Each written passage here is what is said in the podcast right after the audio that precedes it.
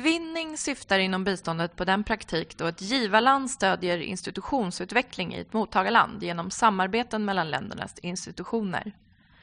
I Sverige sysslar myndigheter som Skatteverket, Statistiska centralbyrån och Arbetsförmedlingen med denna typ av arbete.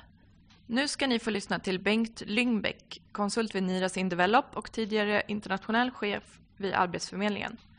Samtalet spelades in den 12 december 2016 om ni vill se filmen från FUF-fåtöljen så hittar ni den på vår Youtube-kanal FUF Play. Men jag börjar redan på en gång med att försöka sammanfatta det som vi har sett om jag tittar på, och det jag menar vi, då är det Niras Indevelop. Oj, hade var rätt. Styrkor. Så i det här eh, myndigheternas utvecklingssamarbete Eh, och några utgångspunkter. Jag tror jag måste göra så här. Jag ska ta och sätta upp de här bilderna själv så jag slipper, slipper sitta och böja mig hela tiden. Jag har ju dem faktiskt här. Så jag ser. Jo, styrkorna är väl just att eh, i samarbete så finns det ju såklart en väldigt tydlig, eh, vad ska man säga, fördel av att man är i liknande miljöer att man jobbar med institutioner. Så det finns ju en förförståelse. Det finns slags gemensamma mål i det. Man skulle också kunna säga att eh, det här är ju ett, eh, ett, eh, ett av best practice, eller där man faktiskt kommunicerar med kollegor. Och det är ju bra för förhoppningsvis bägge parter. Eller alla parter, för att twinning kan ju vara många fler än bara två parter. Återkommer till det. Eh, det finns oftast en väldigt hög teknisk kunskap, alltså ämnesområdet. Jag kan ju säga att nu är min bakgrund mycket av Arbetsförmedlingens institution och eh, den delen. Men eh, det är ju många, många fler myndigheter som är aktiva inom utvecklingssamarbetet. Och eh, flera, eh, man kan säga så här, att jag återkommer till det också, men jag kan säga att det är några som är lite mer aktiva än andra bland de svenska myndigheterna.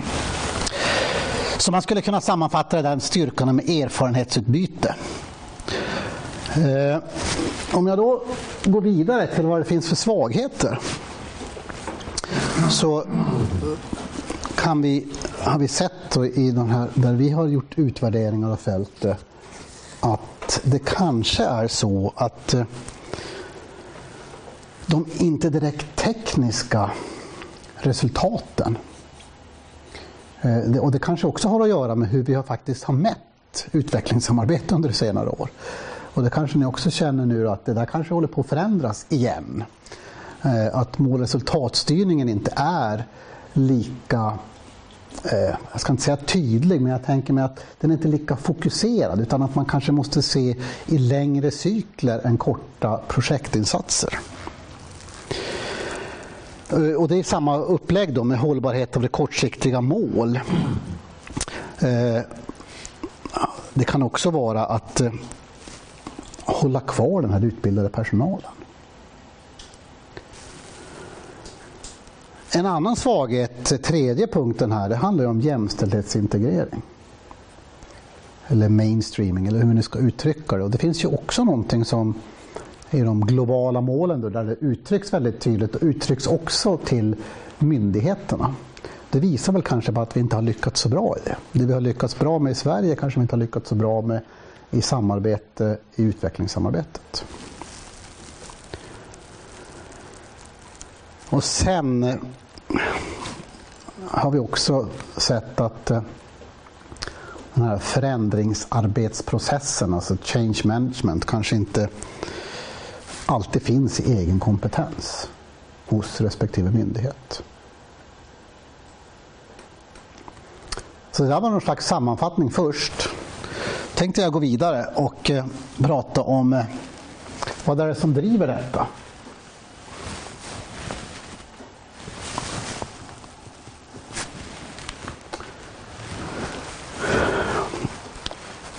Det här är ju politik för global utveckling.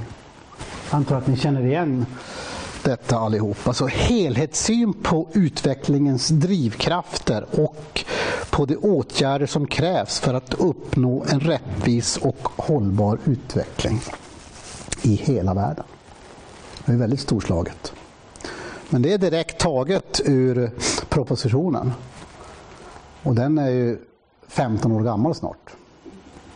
Men det är fortfarande den som ligger till grund för detta samarbete.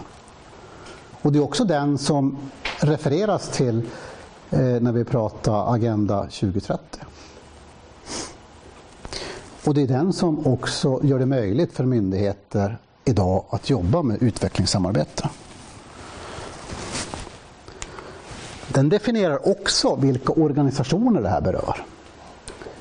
Och då ser ni här, här finns det allt från universitet till civilsamhället och företag. Men primärt är det här utifrån myndighetsperspektivet som jag tänker. Och det finns ju väldigt många, jag nämnde det tidigare, då, att här finns det ju väldigt många aktörer. Och några är väldigt stora. Eh, stora menar jag har väldigt stor omfattning på verksamheten. SCB är ett sådant exempel till exempel. Naturvårdsverket är ett annat. Polisen gör det. Sen beror det lite grann på, det är lite olika saker i det internationella utvecklingssamarbetet. Eh, men det kan också, det finns ju många fler. Riksrevisionen har jobbat mycket med det. Arbetsförmedlingen är aktiva.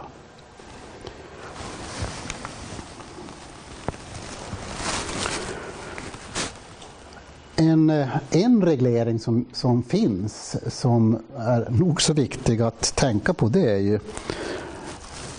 vad man får exportera. För det här kallas ju för tjänsteexport. Och där är det viktigt att hålla isär vad myndigheten får göra. Och det stipuleras ju i konkurrenslagen.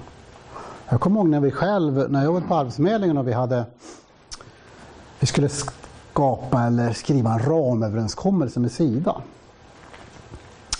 Då hade vi såklart många funderingar över vad, vad som var våran specialistkompetens. Vad var det för någonting som vi kunde erbjuda som inte andra myndigheter eller företag kunde erbjuda? Och det var någonting som Sida krävde, vilket jag tycker var rätt, att försöka beskriva det. Så det, det gjorde vi. Och hade en extern aktör, det var Stockholms universitet, och så gjorde ett utlåtande på vad vi kunde och inte kunde. Det här är ju ungefär en tio år sedan det renderade då att eh, vi till exempel gjorde ITP-program från myndigheten. Då fick vi handla upp den administrativa tjänsten. Eftersom administration var inte vår styrka utan vi jobbade med arbetsförmedling då, som det här gällde. kan man fundera på. Eh, det som har hänt idag, eller det som håller på att hända, det är ju, här finns ju, här är text från biståndsbudgeten. Eh, ser ni att man ska, alltså här finns det ett, ett, känner jag, ett väldigt nytt grepp, eller rättare sagt en slags nytändning vad gäller, vad gäller institutionell kapacitetsuppbyggnad. Alltså en, en ny tro på att institutionen har stor betydelse. Fråga, är det rätt bild? Förlåt! Aj, aj, aj då! Sådär, jag går lite fort fram. Nej? Ja, tillbaka den Ja, förlåt, jag ser. Jag ser. Här ska vi göra så. Det är bra att du, att du ser till. Ja. Ah, det går inte att läsa den där texten annars. Eh, det där är texten från biståndsbudgeten. Det är svårt att hålla reda på två knappar samtidigt. Här. Jo, eh, eh, vad jag menar är att egentligen så finns det, ju, det finns ju också aktuell forskning som faktiskt har en mycket stor eller stor, men åtminstone finns det ett intressant forskningsområde idag där man pratar om institutionsuppbyggnad. Eh, jag deltog själv, jag vet inte om någon av er var med på förra veckans seminarium om där just eh, tre ganska nya doktorer vars mm, sina avhandlingar egentligen handlade om just detta. Det handlar dels om korruption eller kanske om antikorruption och försöka se hur ser den svenska resan ut och kan man överföra det då till det internationella utvecklingssamarbetet. Det handlar dels om skatteintäkternas påverkan på att faktiskt jobba med, med institutionsutbyggnad och hur viktigt det är att du behöver ha den skattebasen. Och man kan säga, ja det vet ni själv då, Rothstein har skrivit om det eller, eller en, en bok som jag har fastnat mycket för det är Why Nations Fail. Akemoglu Robinson som, som beskriver. De, myntar ett begrepp som de kallar för utvinnande institutioner. Som står för korrupta institutioner egentligen. Eh, men det som, det som är tydligt tycker jag i den här forskningen det är ju vikten och betydelsen av institutioner i demokratiska samhällen. Och det är ju också då en, ett, kanske ett en ny, nytt intresse, nyvaket intresse för kapacitetsutveckling vad gäller myndighetssamarbete. Och det tycker jag visar sig i denna biståndsbudget då. Kanske ännu mer här. Det finns något som heter biståndsramverk. Känner ni till det? Det gör det, vad bra. Det är ute på remiss, eller hur? Det finns ju ännu inte, inte riktigt klart i skrivningen ännu. Men, men i remissunderlaget så handlar det faktiskt, det är väldigt tydligt att man ska vässa detta, att det ska ligga i framkant. Och så finns det då beskrivningar utifrån egentligen alla 17 mål. Med visst fokus då såklart om vad som skulle kunna vara prioriterat. Där bland annat miljö eller global jämlikhet nämns och så vidare. Så man tänker sig de 17 målen och dess, hur många det är, 169 delmål och så i nästa steg så kan man referera till, eh, till myndigheternas engagemang i detta. Så det ska bli lite spännande att se. Eh, det som jag inte ännu har hört så mycket om som jag hade hoppats och trott på det är ju också att det här skulle rendera in skrivningar i regleringsbrev eller i instruktioner.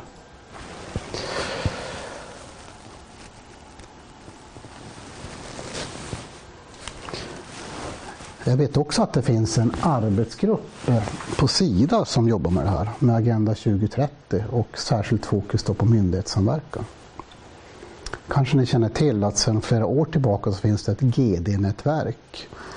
I de här GD-nätverken så har det också vuxit upp olika andra, andra organisationer, nätverk, eh, både formella och informella. Så det är ganska stor aktivitet bland svenska myndigheter för tillfället. Eh,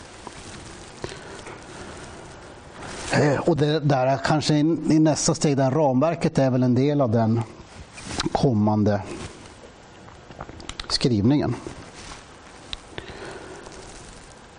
Ja, vad är det man kan göra då i utvecklingssamarbete? Eh, ja, där är det ju så att myndigheter har ju oftast ett ansvar.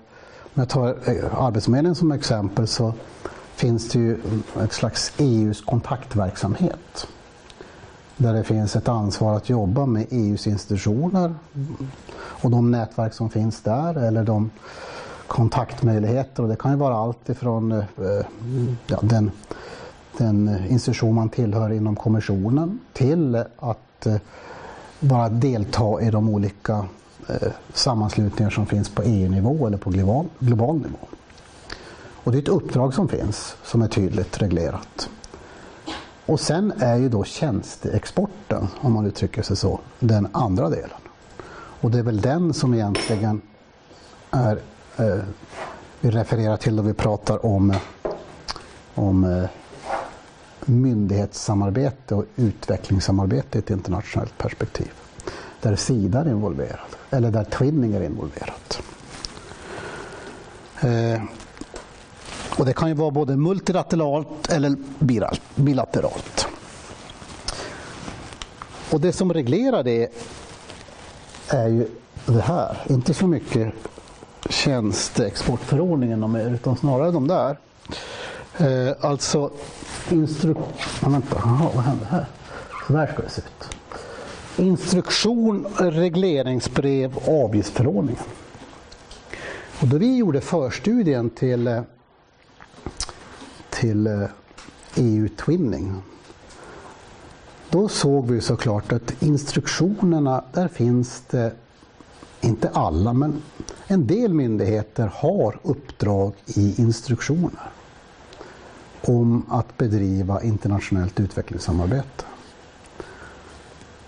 Relativt få och oftast med bör.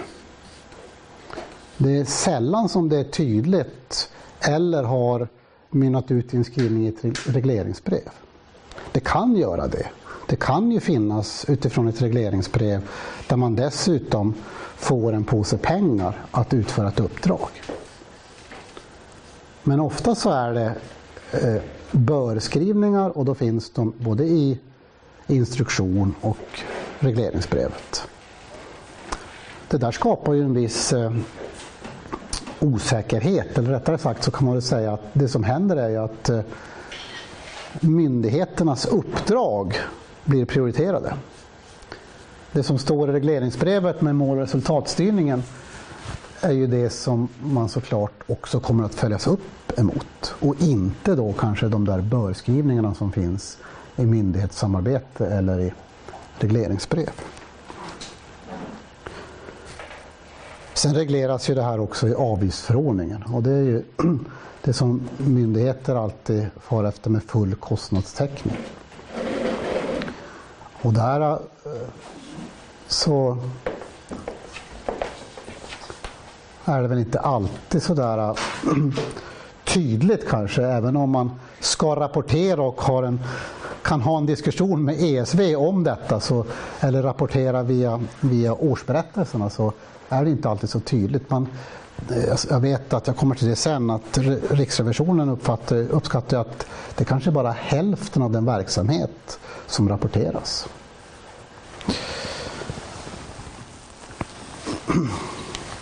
Ett helt annat spår är ju då det jag nämnde tidigare, EU-twinning. Och det är ju EUs bistånd. Och här är det så att eh, det initierades helt enkelt ett instrument redan i slutet på 90-talet som eh, Sida administrerar. Så Sida är det som kallas för National Contact Point som har en ansvarig person som jobbar med twinning.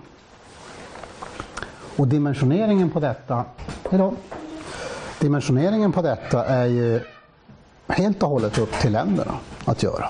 Och det ser väldigt olika ut. I dagsläget har ju vi på NIRAS in Develop ett litet uppdrag att stödja myndigheterna och sen finns det en person som på en liten del av sin arbetstid ägnar tid åt detta.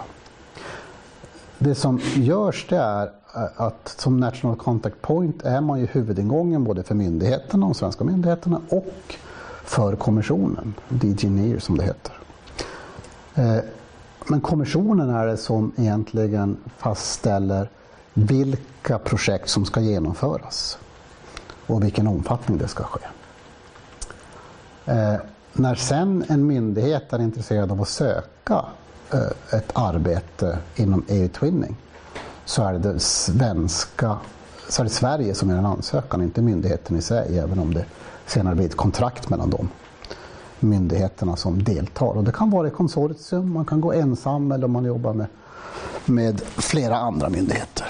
Och det är ju, tanken är ju att stödja institutionsutveckling i grannlandsområdet. Alltså det hänger ihop med Sidas strategier eller också i länder som är, oj då, titta här, som är blivande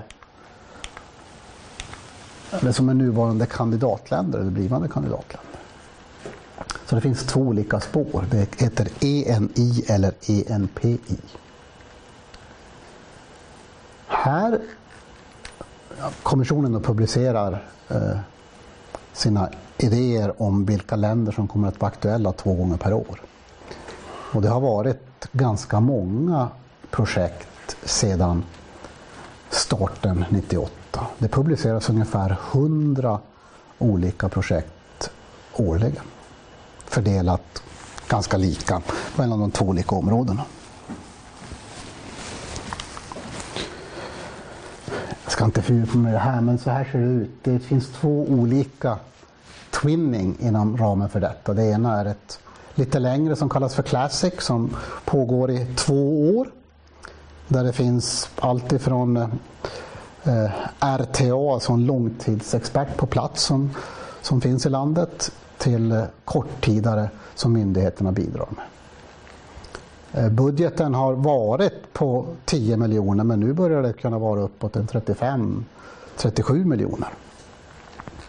Det finns också ett annat eh, program som heter Light som, som namnet antyder är ett kortare projekt och mindre budget och mindre personal. Det är ett helt annat upplägg helt enkelt.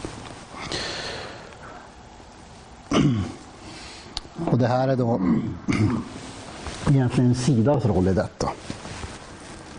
Man är värd för, för denna NCP. Och ska sprida informationen om detta. När vi gjorde vår förstudie då tittade vi vilka myndigheter är som är aktiva i detta. Eh, och det här är egentligen en del av resultatet där vi har tittat på, på hela perioden. Så då har alltså, det här är myndigheter som varit aktiva inom Twinning. Det, säger ju inte, det här är ju inte eh, institutionellt utvecklingssamarbete generellt sett utan det här är just inom detta program. Så inom detta program så har Sverige varit med 43 gånger under dessa år. Och då kan man ju fundera på om det är lite eller mycket. Eh, beroende på vem man jämför sig med såklart och vad vi har för intresse av att göra detta. Men som ni ser av bilden här så har Sverige engagerat sig så man hamnar på 15 plats av, av 23 länder som har varit aktiva under den här perioden. Och ni ser också ja, ni ser vilka, i bokstavsordning vilka myndigheter som har varit med här. Det här är då mätt under 2006 till 2015.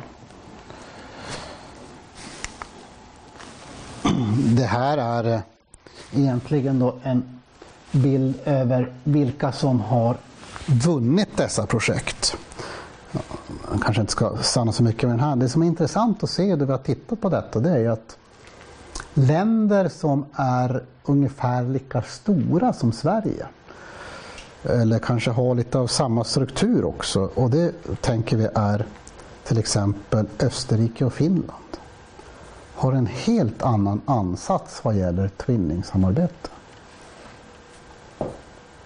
De har, har ägnat mycket mera fokus på att eh, se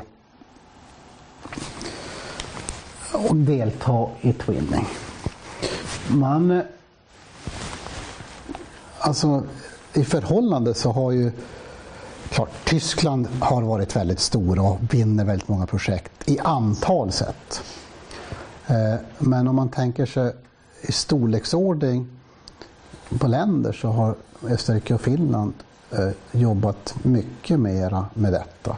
Ett skäl till det är förmodligen att deras bilaterala arbete inte är så omfattande. Ett annat skäl är att de har gett ett helt annat stöd, alltså deras NCP-funktion det som Sida gör i Sverige, har helt andra resurser och stödjer myndigheterna i allt från att eh, identifiera till att eh, skriva ansökningar. Så det finns en helt annan förutsättning för dessa eh, för myndigheterna i dessa länder att, att göra det. Så det är ganska naturligt. Frankrike är en annan stor aktör såklart och då handlar det framförallt i, i MENA eller Nordafrika men även på andra ställen. Återigen, då, det här är twinning. Jag nämnde tidigare att, eh, att eh, det fluktuerar. Det här kan man ju tänka, om man nu tänker att, ponera att man skulle se en förändring efter PGU, då, om man tänker 2002, så är det ganska svårt att spåra det. Det är inte så där tydligt som att säger att nu fattar vi ett beslut om politik för global utveckling och så kommer fler myndigheter att engagera sig. Den, den linjen kan vi inte riktigt dra. Jag tittade på det här för några år sedan så därför är den här bilden kanske något år gammal. Jag vet inte riktigt hur det ser ut idag. Men, men jag kan se att det är ungefär samma, samma myndigheter som är aktiva. Och det är de jag nämnde egentligen tidigare. Eh, som är aktiva generellt sett om man tänker utanför twinning. Eh, men som sagt, här är det svårt att dra slutsatser för här då, det här är utifrån årsredovisningarna som det här beskrivs. Och här gör då Riksrevisionen, de konstaterar helt enkelt att det här kunde vara, det här kanske bara är hälften av det faktiska engagemanget. Så att eh, de där 700 miljonerna som står här, de kanske, det kanske är det dubbla.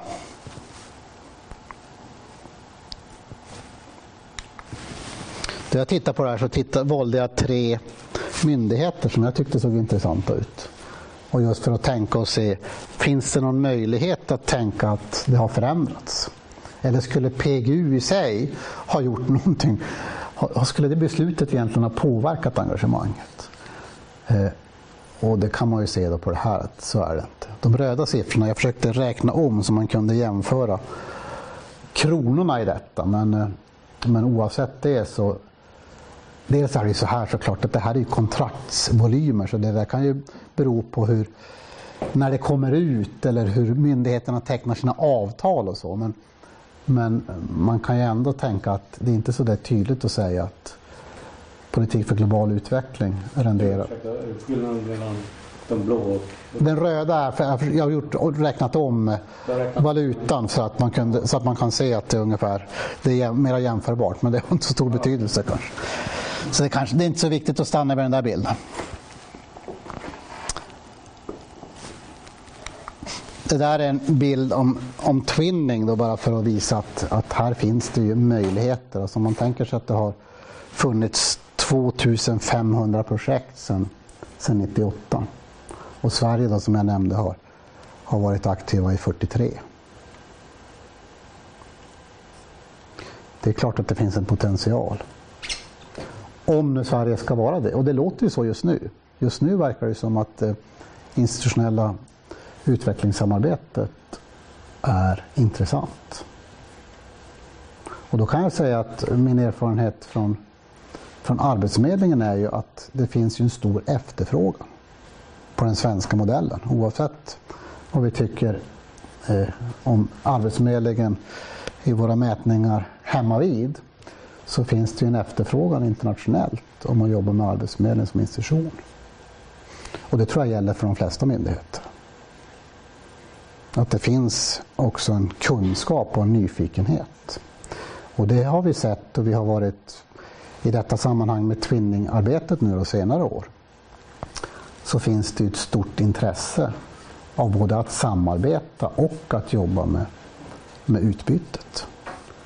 Jag tänker på, på länder på Balkan till exempel. Eller har, eh, I samarbete i konsortium så har både Österrike, Tyskland, Litauen, Finland med flera visat intresse. Så det finns ju också en tilltro till att vi har en kompetens att erbjuda.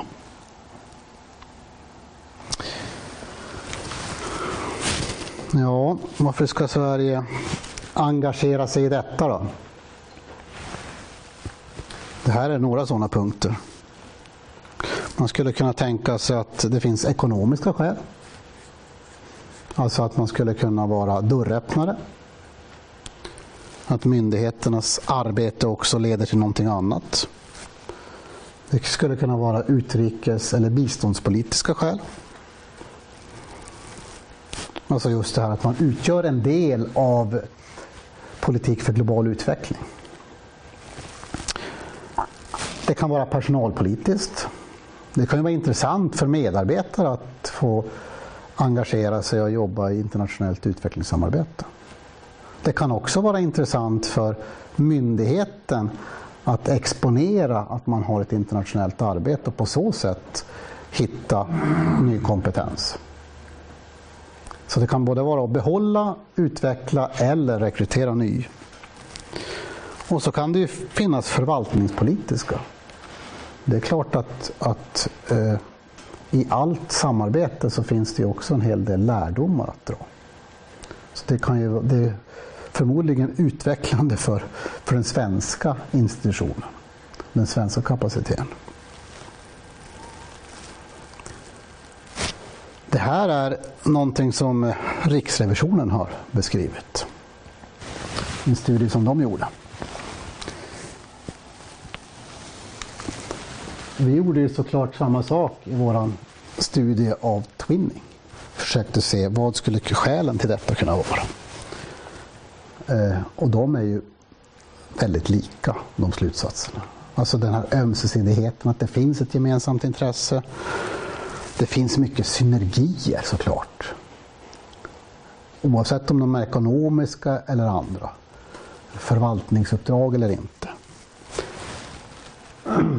Och sen tänker vi att det är, ja det ser här, PGU, det har jag nämnt flera gånger nu. Men sen finns det ju en annan del just när det gäller twinning. Förutom ökande kontaktytor som såklart är en stor möjlighet för export då, så kan man ju tänka att, att eh, den här återförandet av vår EU-avgift skulle vara nog så intressant. För vi är inte särskilt bra i Sverige på att faktiskt ta hem delar av, av EU-avgiften. Och här finns det ju ett sådant spår som inte är alltför svårt att ta sig fram. Så öka återflödet helt enkelt.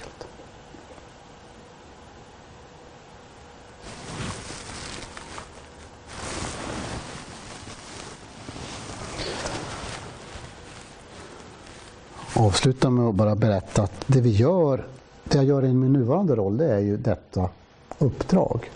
Där vi stödjer Sida i att eh, ge kompetensstöd till svenska myndigheter och det gör vi inom fyra områden egentligen. Vi gjorde en förstudie som jag sa. Sen eh, har vi fortsatt att jobba med nätverk, kurser, utbildningsinsatser. Och nu gör vi även rådgivning. Och det är ett uppdrag då som vi har inom, inom den upphandlade delen. Rådgivning är ju egentligen, och det här är inom twinning, det här är ingenting med, med generellt internationellt utvecklingssamarbete att göra. Rådgivning är ju alltifrån att eh, identifiera potentiella projekt inom twinning till att eh, ge stöd i skrivning och eh, avslutningsvis delta i presentation eller förbereda för presentation.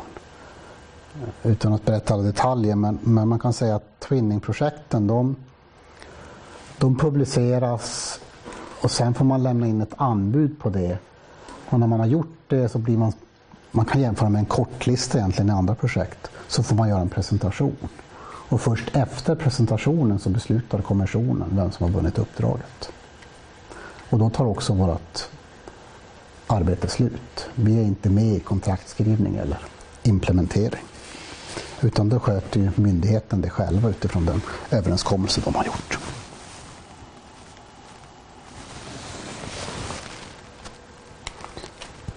Tack för det. Det var vad jag hade.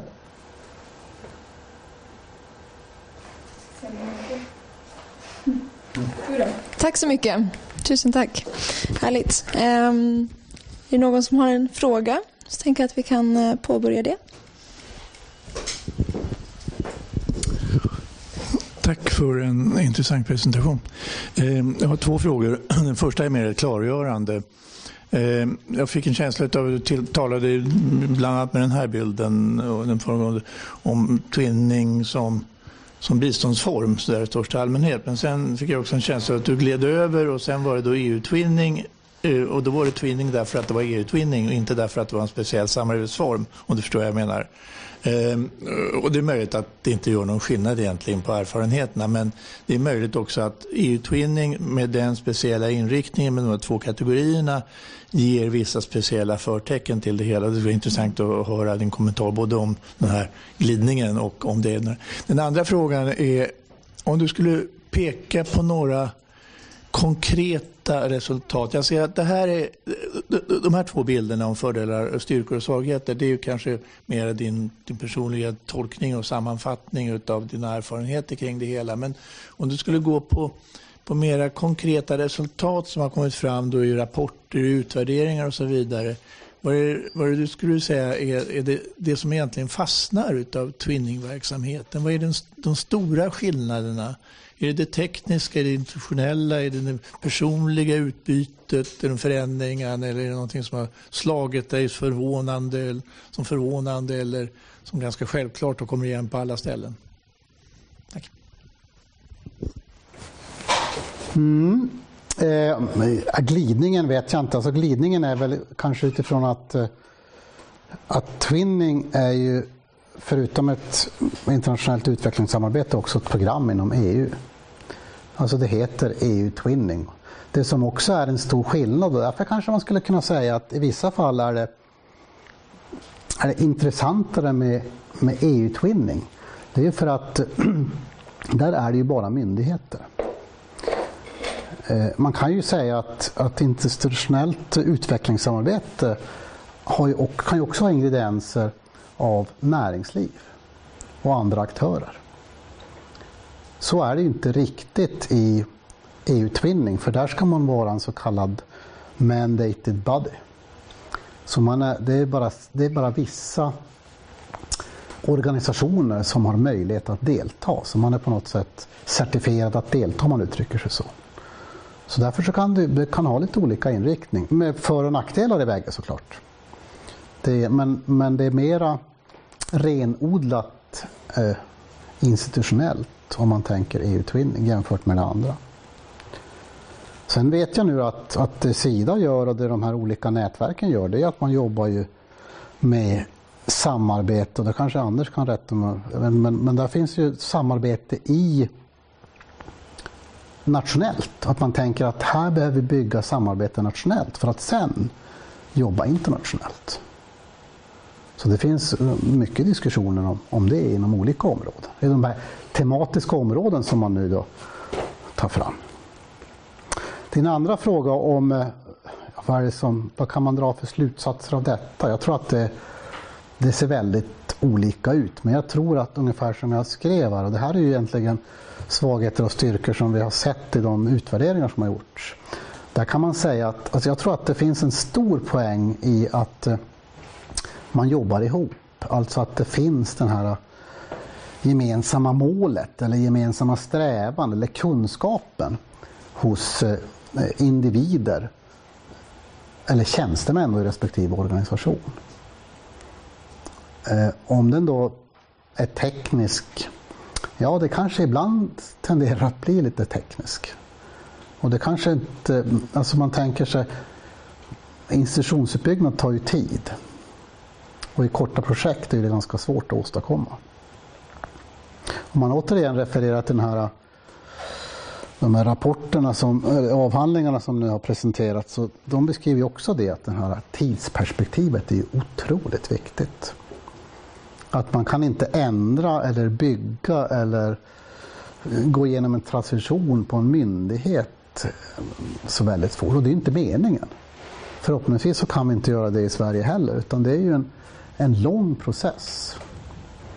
Jag vet att eh, det var lite kul att lyssna på de här avhandlingarna för där ni, ni kanske känner till att eh, Rothstein har ju en idé om att det finns någon slags Big Bang när myndigheterna gick från att vara, ska man uttrycka sig slarvigt, från att vara korrumperade till att icke vara korrumperade i Sverige. Medan den här avhandlingen då, en av de som presenterades, han, han försökte säga att eh, det kanske inte riktigt var så. Han vet inte, men han, han, kunde i alla fall meddela att det inte riktigt var så. Något som var intressant som han tagit fram det var att det fanns avgifter som man, kunde, som man betalade för att få myndigheternas tjänstemän att utföra sin service. Det kallades för spotler. Så då hade man liksom en avgift som man skulle idag kunna likna eller jämställa med Eh, i vissa lite mer korrumperade länder där, där faktiskt den avgiften ibland sker relativt öppet. Eh, jag vet inte om det är svaret på din fråga, men jag tror att det, det ser väldigt olika ut. Eh, jag tror att det kanske har en tendens ibland att bli, om, man, om, vi då, om jag tänker att svaghet är att det inte finns den här förändrings eller change management kapaciteten, då kanske det tenderar att bli mer tekniskt. Det kanske är så att det är den övergripande institutionskapacitetsutvecklingen kanske eh, kommer lite grann i andra hand. Så kan det vara. Men sen beror det tror jag på hur man har riggat dessa insatser. Och det kanske, eh, det kanske är det som är ett bekymmer med EU-twinning som man kan tycka är fördelaktigt. Det är att de är ju oftast eh, förberedda ganska långt innan och ganska, eller väldigt trögrörliga. Så att det finns ingen flexibilitet. Det finns mål, det, fin det finns allt ifrån mål till aktiviteter beskrivna som är ganska svåra att förändra. Tvärt emot om man tänker eh, bilateralt eller multilateralt samarbete via Sida. Där det finns en helt annan möjlighet. Som också är, uppfattar jag, mycket effektivare. Var det svar på din fråga?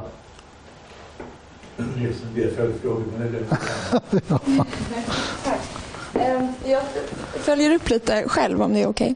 Ehm, Jag tänker att det någonstans så, så är det intressant med Twinning att det, har, ehm, att det inte är ett särskilt nytt fenomen eh, och att det ändå känns eh, liksom lite o, oundersökt ändå. Eller, ja, lite så.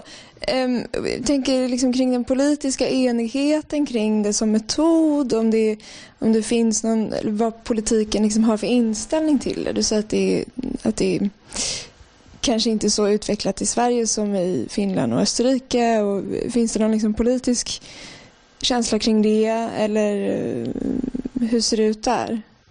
På myndigheter då, men jag skulle nog säga att jag tycker, om jag ser de skrivningar som finns och det, det engagemang som finns så finns det en politisk enighet idag om att det finns ett intresse att öka engagemanget. Att PGU och eh, Agenda 2030 egentligen är drivkraften för det.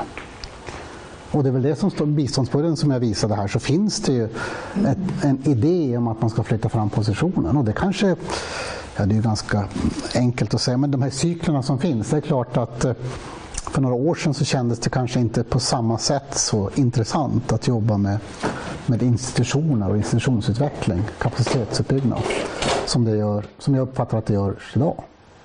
Sen kan man säga att det politiska intresset kanske inte är så stort då, om det inte har genererat skrivningar i regleringsbrev. Det är åtminstone väldigt svårt att komma fram för att eh, Eh, vad jag förstår så har väl tanken varit att det skulle komma till årets, eller åren, ja det här, det som nu finns i regleringsbrev och där verkar det som att Ja, det vet vi inte ännu, men det, det, känslan och vad jag har hört i alla fall är att det kommer att vara väldigt få tydliga uppdrag i de regleringsbreven. Samtidigt som det finns, och det, fin och det tror jag Anders kanske har koll på lite grann om vilka som egentligen har det, men det är ju fortfarande några som, som har haft det under några år. SCB är ett sådant exempel till exempel. Eh, och det är några fler som har haft de här. Men ofta är det i börform och då, då är de ju de är icke förpliktigade och de är också väldigt enkla att egentligen skjuta lite grann åt sidan när vardagen tränger på. Och det finns ju en, en huvudfåra hos myndigheterna med olika uppdrag och målresultat. Och finns man inte med där, då är det ju väldigt svårt att prioritera det och avsätta resurser för det om man inte har nått de andra målen. Ska vi gå vidare? Är det någon som har en till fråga? Ehm, jag har ehm, en fråga som, som eh, bottnar i en ganska speciell eh, situation. Jag har av olika skäl tittat på biståndet till Ryssland under, eh, från perioden 91 till tills det tog slut 2007-2008. där, där fanns det ju några eh, samarbeten som man i efterhand kan kalla för twinning. Som man kan dra lite lärdom Så jag har två, två frågor utifrån det. Den, en, den ena, eh, det ena spåret var ett budgetsamarbete mellan finansdepartementen som pågick väldigt lång tid faktiskt. Och, en, en, och, och, det var lyckosamt och det är fortfarande eh, förbluffande lyckosamt och inte så mycket omtalat eh, offentligt. Eh, nu har ryssarna blivit så pass intresserade att de fortsätter att betala för det så det var inte ensidigt längre. Men där var en erfarenhet, då har de här gemensamma mål och kollegor och så. Men en erfarenhet från det som jag har fått mig berätta det är att de eh, höga cheferna var inte speciellt intresserade. De var konservativa. De tyckte inte man skulle ändra på något.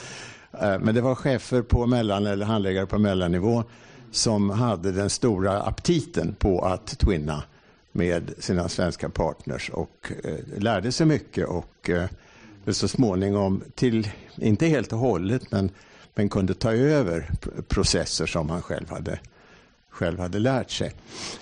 Ehm, det andra intressanta exemplet eh, har ett större tekniskt innehåll. Det handlade om kärnsäkerhet. Det var samma sak ungefär.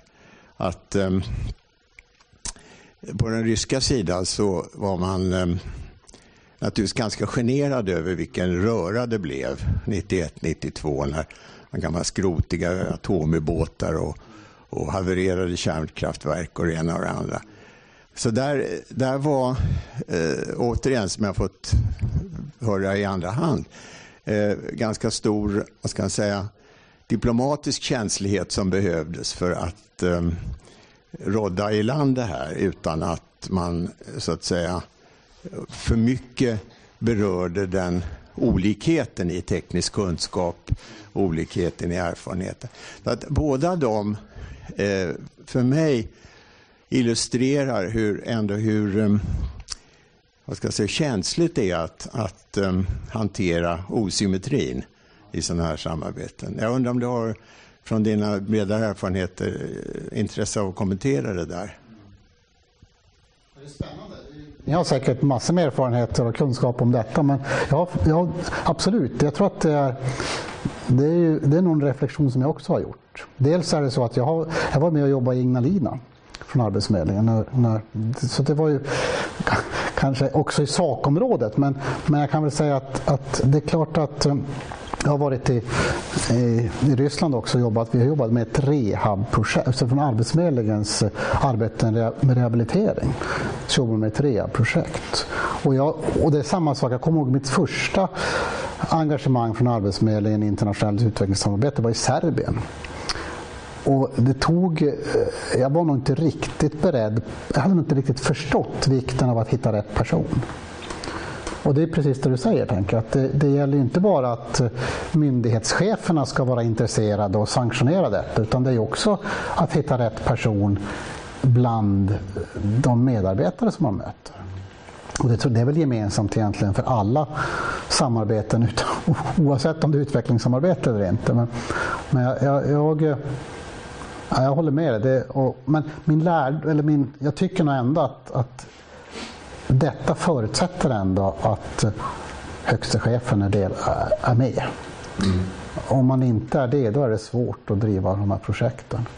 Och gärna att de eh, är med mer än att vara med, att de är också engagerade i, projektet. Och jag tycker att eh, och det påverkar ju såklart eh, resultatet sen. Ja, det är spännande. Ja, nej, men jag, jag kan bara hålla med egentligen. Fler frågor?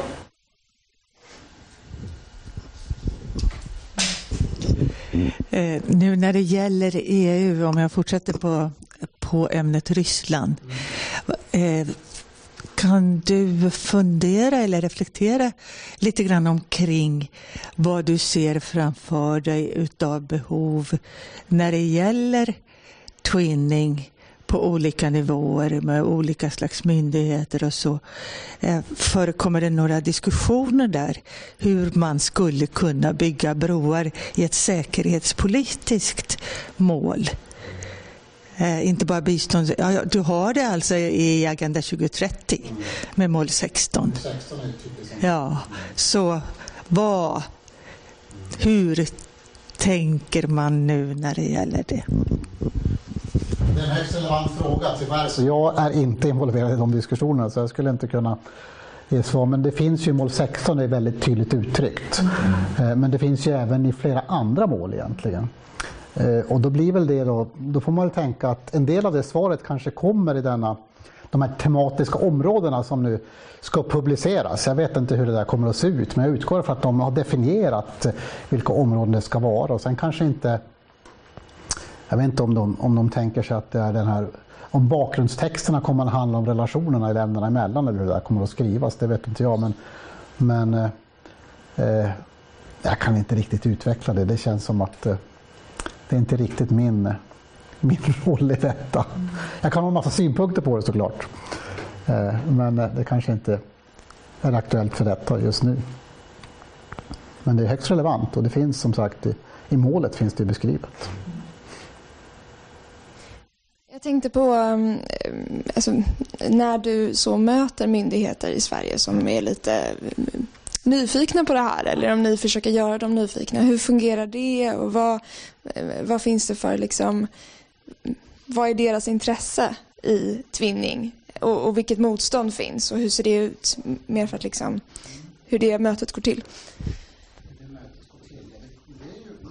det finns ett intresse. Det finns ett intresse och det finns också motstånd. Intresset är ju att eh, eh man ser möjligheter. Att både delta i utvecklingssamarbete och att jobba med den egna, egna kompetensutvecklingen. Och ungefär som det jag sa här om varför ska man göra det? Alltså att både stärka den egna kompetensen, att kanske stärka statusen hos myndigheten och på så sätt behålla medarbetare eller i förlängningen rekrytera medarbetare. Men sen, sen är det väl då så att, och det finns ju massor med sådana fördelar såklart, så många, och många olika ingångar i det. Men, men allt fort så bekymren är ju till exempel då att man inte har ett uppdrag. Det finns inte ett tydligt uppdrag och då kan ju inte myndigheten egentligen göra det för det, står, det går i kollision med någonting annat som ska utföras. Man har inte möjlighet att avsätta resurser till det. Specifikt i twinning, när vi pratar det här som e-twinning, då, då finns det ett annat hinder. Och det finns ju då det här eh, idén om att man ska få full kostnadstäckning. Alltså myndigheter får ju inte några statsbidrag, medel för att genomföra dessa, detta utvecklingssamarbete. Och då är ju motståndet om att man inte får det. Att det, den ersättning som EU går in med i det här konkreta twinningprogrammen täcker inte kostnaden. Och så har det varit. Men sedan ett par år tillbaka har Sida gått in och täcker de kostnaderna. Så de ersätter det som EU inte ersätter. Så det har ändrats, men det har inte riktigt fått genomslag bland myndigheterna. Det är inte alla som känner till det, som har gjort det. Så där finns det en diskrepans. Då. Men den kanske är, den skulle vi kunna övervinna genom informationen. Men hur den är så tänker jag att oavsett vad vi gör i detta arbete och får intresse så blir det marginellt om inte myndigheterna får ett uppdrag. För det är klart att, att de behöver utföra det, det de är ålagda att utföra och inte göra egna saker. Eh, men jag tror att det känns som, och återigen då, så känns det ju som att både utifrån Agenda 2030 och eh, PGU och den här och biståndsbudgeten och så vidare så känns det som att intresset är, är större än vad det har varit på flera år.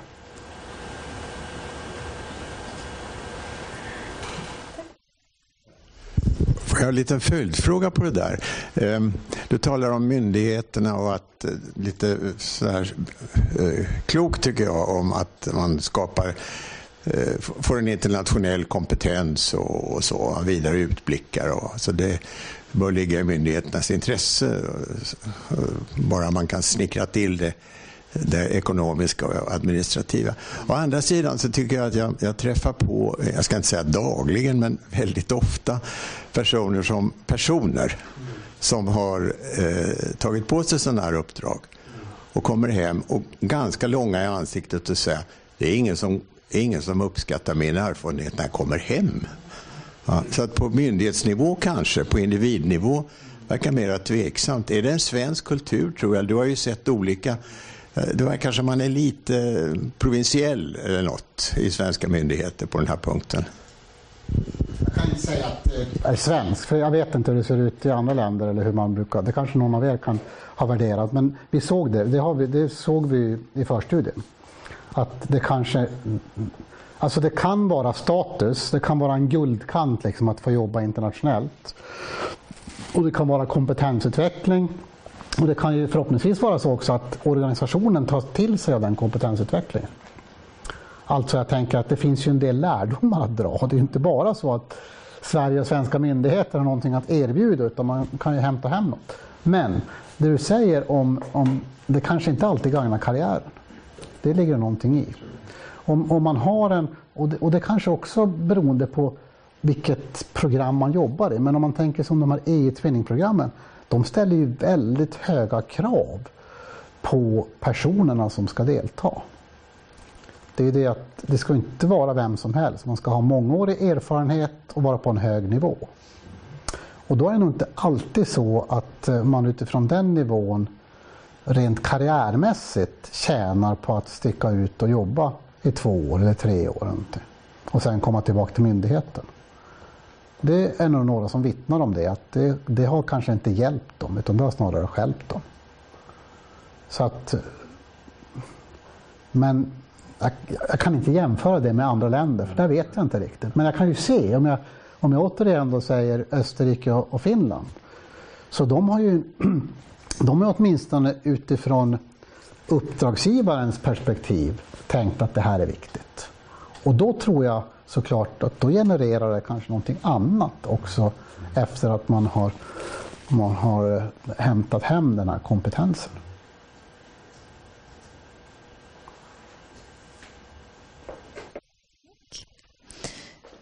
Någon fråga? Ehm, du nämnde också kring spetskompetens och hur det liksom är en sån eh, viktig del av att kunna vara bra på tvinning. Eh, om vi ser på Sveriges och, och liksom våra institutioner vad vi har för spetskompetens, hur, hur ser det ut Det? Är det liksom, jag tänker vi är en jämställdhetsmyndighet som är på väg att bildas inom en ganska snar framtid ändå. Eh, och jämställdhetsintegrering eh, och budgetering. Jag menar, där är ju någonstans eh, ett område som vi ligger ganska i framkant kring. Eh, har det liksom, du nämnde att det inte har nått tvinningen riktigt, men eh, Nej men i, om det var EU-tvinningen så att, att vi hade man hade fått lite bak, lite hemläxa på jämställdhetsintegreringen. Aha, precis. Eh, ambitionen i Sverige är mycket högre. Ja. Den, kan, den, finns ju med av måste-karaktär i de här tvillingprojekten i EU. Men vi kanske har högre ambitioner i Sverige. Det betyder inte att vi har lyckats så mycket bättre i alla stycken. Det kanske är lätt, det, det vet vi själv, kan jag rannsaka mig själv, det är lätt att skriva med det för att det ska vara med. Genderperspektivet och sen kanske det inte alltid har, har eh, fått fullt genomslag i implementering. Men man kan se, om man tänker sig myndigheter så kan man ju se, tänker jag, eh, det hänger ihop såklart om man har engagerat sig eller inte, eh, vilka myndigheter som är aktiva. Det är inte alltid så att det är efterfrågan som har styrt det. Eh, även om man kan utgå ifrån att, och hoppas att, att det finns en sån, en sån, ett sådant samband. Men om man tänker att SCB som är en, en stor myndighet i utvecklingssamarbete, men MSB är också en sån myndighet som jobbar väldigt mycket internationellt. Eh, eller eh, jag nämnde Arbetsförmedlingen, jag nämnde skatten, jag nämnde polisen, eh, Naturvårdsverket, SWEDAC. SWEDAC är ju en myndighet som har otroligt mycket internationellt arbete. Eh, så det finns ju inom många olika sektorer. Ni vet, vi har ju en uppsjö av myndigheter. Eh, man kan också säga eh, SKLs eh, internationella engagemang är också omfattande. Så att det, det, det, finns. Det finns ju många myndigheter som är aktiva i detta.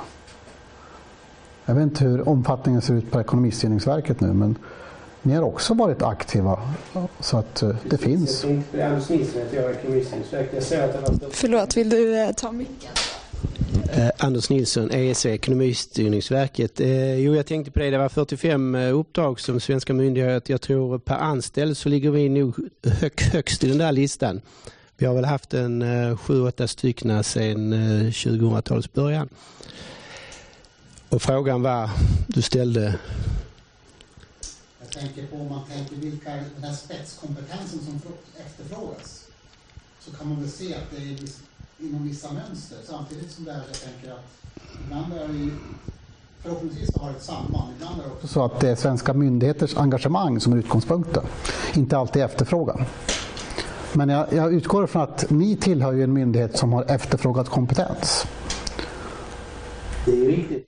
Eh, men alltså jag tänkte, vad är det som driver de här projekten och hur framgångsrika de blir? Det har ju lite att göra med att det är ju, vi är kandidatländer som vi är och de vill ju gärna på något sätt uppfylla de kriterierna enligt Akin och så. Och det gör ju att det blir mycket lättare att driva de här projekten än andra.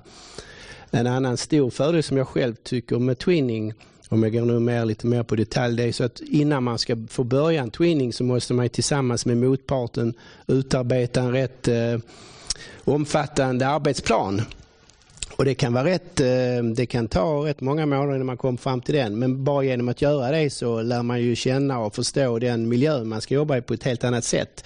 Än i alla fall i de eh, bilaterala projekt som vi har bedrivit i andra sammanhang. Tack så mycket.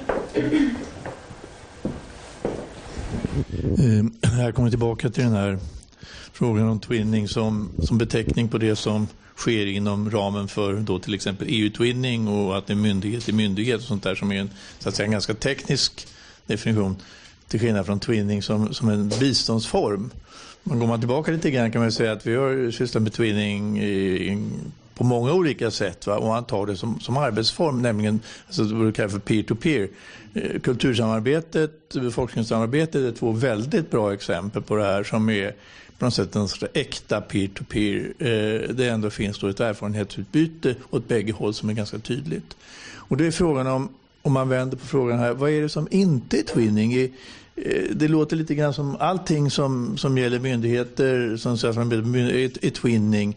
Men det måste väl vara något speciellt. Twinning har, man talar här väldigt mycket om att det är liksom på jämlik nivå och så vidare. Är, det något institutionssamarbete som skulle kunna betecknas som icke-twinning?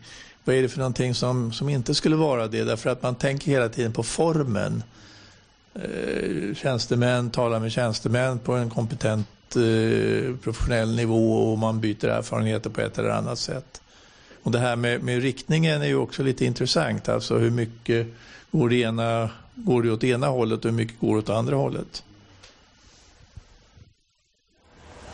Ja, det är en intressant fråga. Vad är det som inte är twinning? Ja, man kan ju säga det där, det, där, det där är, som, det är också en process som pågår ska jag säga. Att jag har inte, jag har inte den tydliga definitionen av twinning men det är ju som du säger att det, utgångspunkten är väl lika villkor eh, och att det sker ett utbyte.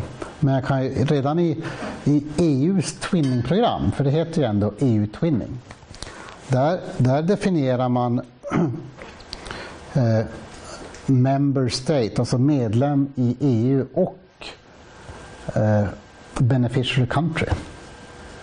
Så redan det är ju en signal om att det inte riktigt är, är på lika, alltså det här systermyndighetssamarbetet är ju inte där i skrivningen. Det som håller på nu att hända det är att det är en process där det där förhoppningsvis kommer att ändras. För det, det är också, det är klart att det är väldigt uppenbart att eh, om man pratar om mottagar länder på det sättet så kanske det inte riktigt är twinning.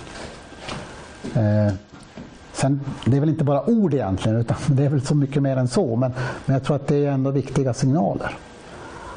Så jag, det är klart att det finns eh, myndigheter som eh, eh, inte alltid jobbar utifrån någon slags twinning-idé. Kanske omedvetet. Jag tror inte att vi kanske alltid är, har eh, en kapacitet att också hämta hem eller ta del av erfarenheter som andra har dragit. Det där kan, jag tycker man kan reflektera mycket över det och, och så är det väl överhuvudtaget. Det, det, det bist, vad är, hur är det biståndsdrivet? Det finns ju en, en, en bok nu som är skriven som heter Chaos, hur är den heter? Den heter någonting med Chaos in eh, Äh, jag tappar bort namnet, ber om ursäkt. Eh, jag kommer på det alldeles strax. Men, eh, alltså vad är det som driver egentligen utvecklingssamarbetet? Så det är klart man kan reflektera över det. Jag vet inte om det är särskilt för, för, för myndigheternas utvecklingssamarbete utan det är mer generellt.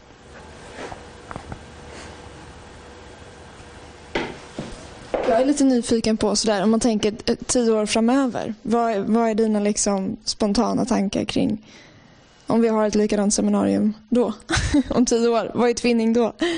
Och vilka utmaningar och, och, och sådär. Vilken potential ser du där? Ja, det finns en stor potential, det tror jag. Sen tror jag att det gäller att hålla, om politiken håller i det. Om det, det som nu har satts igång, om det förverkligas så tror jag att, att det finns stora möjligheter att tänka att om tio år så finns det ett utvecklat institutionellt samarbete. som är mycket mera, man, man ska uttrycka det som effektivare än vad det är idag. Eh, och det, kanske, det är väl det som egentligen, vi får väl, om vi tänker nu att, att internationaliseringen och globaliseringen fortsätter så, så kommer väl det också att, att spilla över på myndigheter. Och det tycker jag, åtminstone den resa jag varit med om i myndigheterna så har jag sett det. När jag började på Arbetsförmedlingens internationella enhet i början på 2000-talet så hade de ju hållit på i ungefär 10-15 år. Men, men resan därefter har ju, har ju inneburit att den, det har ju vuxit. Det internationella engagemanget har vuxit. Som jag tror också till fördel för organisationen. Och det tror jag flera myndigheter tänker, om jag tänker de som är aktiva. Det måste ju, utgå ifrån vara så att de också ser nyttan för den egna organisationen med detta.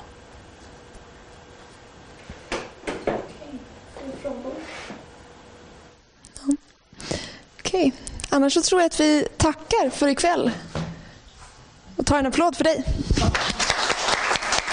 Tack för att du lyssnar på FUF-podden. FUF är en förening som sprider information och skapar debatt om globala utvecklingsfrågor.